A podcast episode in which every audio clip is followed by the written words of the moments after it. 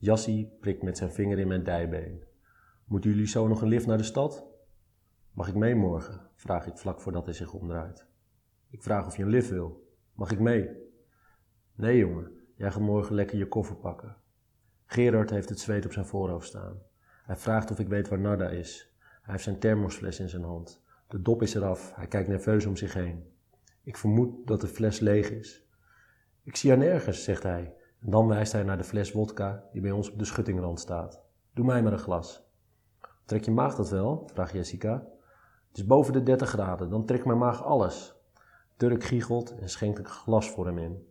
Jessica maakt met haar vingers een gebaar dat hij niet te veel moet doen, maar Turk maakt er een flinke bel van en kijkt haar aan met een onschuldige blik. Hij vraagt of Gerard er 7-up bij wil, maar dat wil hij niet, want daar kan zijn maag niet tegen. Heb jij nog calculators nodig? vraagt Gerard en Michael. Ik zit niet meer op school. Oh, zegt Gerard. En ook niet voor een of ander buurtproject? Nee, sorry, je kan ze niet gebruiken. Ineens zijn het allemaal hoofdrekenwonders hier zo. Achter Gerards rug zie ik Narda de tuin inlopen. Geen idee waar ze geweest is. Ze loopt resoluut naar de barbecue, pakt onderweg een plastic bordje van de tafel en laat er twee grote lappen vlees op leggen. Ze gaat zitten, strijkt haar lange haar achter haar oren en schrokt het vlees naar binnen. Daar is Narda, zegt Jessica, en ze wijst richting de barbecue. Gerard draait zich om en loopt direct op haar af. Hij trekt het bord uit haar hand. Narda kijkt geschrokken op, alsof ze totaal geen idee heeft wat er aan de hand is. Je bent toch godverdomme vegetariër, schreeuwt hij. Eén stukje, zegt Narda. Waar hebben we het over? Dat gezeik van je, Gerard, begint me echt de strot uit te hangen. Gerard kiepert het vlees met bord en al in de grijze kliko. Hij slaat zijn wodka in één teug achterover en schopt tegen de schuurdeur. André Haase zingt Ik meen het.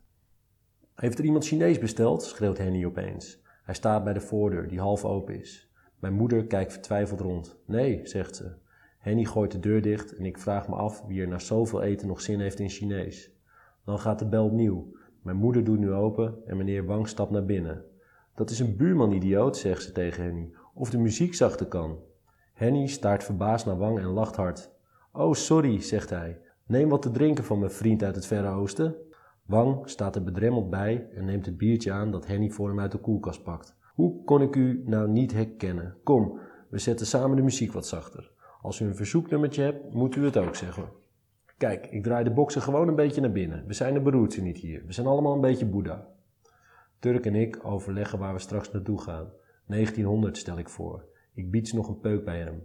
De tuin staat vol, de keuken staat vol. De woonkamer staat inmiddels ook vol. Er worden nieuwe kratjes bier aangesleept, flessen drank, ijs. Gerard haalt het dambord tevoorschijn. Hij kijkt me vragend aan, maar ik schud nee. Je vader zei nooit nee, zegt hij. Dat was een grootmeester. Hij haalt Melchior over om een potje te spelen en na een paar zetten hoor ik hem al klagen dat hij zich niet kan concentreren met zoveel mensen om zich heen. Giorgio heeft een spierwit pak aan, draagt open leren schoenen. Zijn haar zit in een strakke scheiding en hij ziet er stukken frisser uit dan vanmiddag. Hij vraagt of ik een microfoon heb. Ik schud mijn hoofd. Jammer, jammer. Dan klimt hij op het schuurdak en zet een lied in. Eerst ingetogen, maar steeds harder. Opera. Hij slaat zijn armen open richting de lucht, alsof hij contact zoekt met het bovenaardse. Zo mooi heb ik hem nog nooit horen zingen. Een vieze popster is het, fluistert Turk.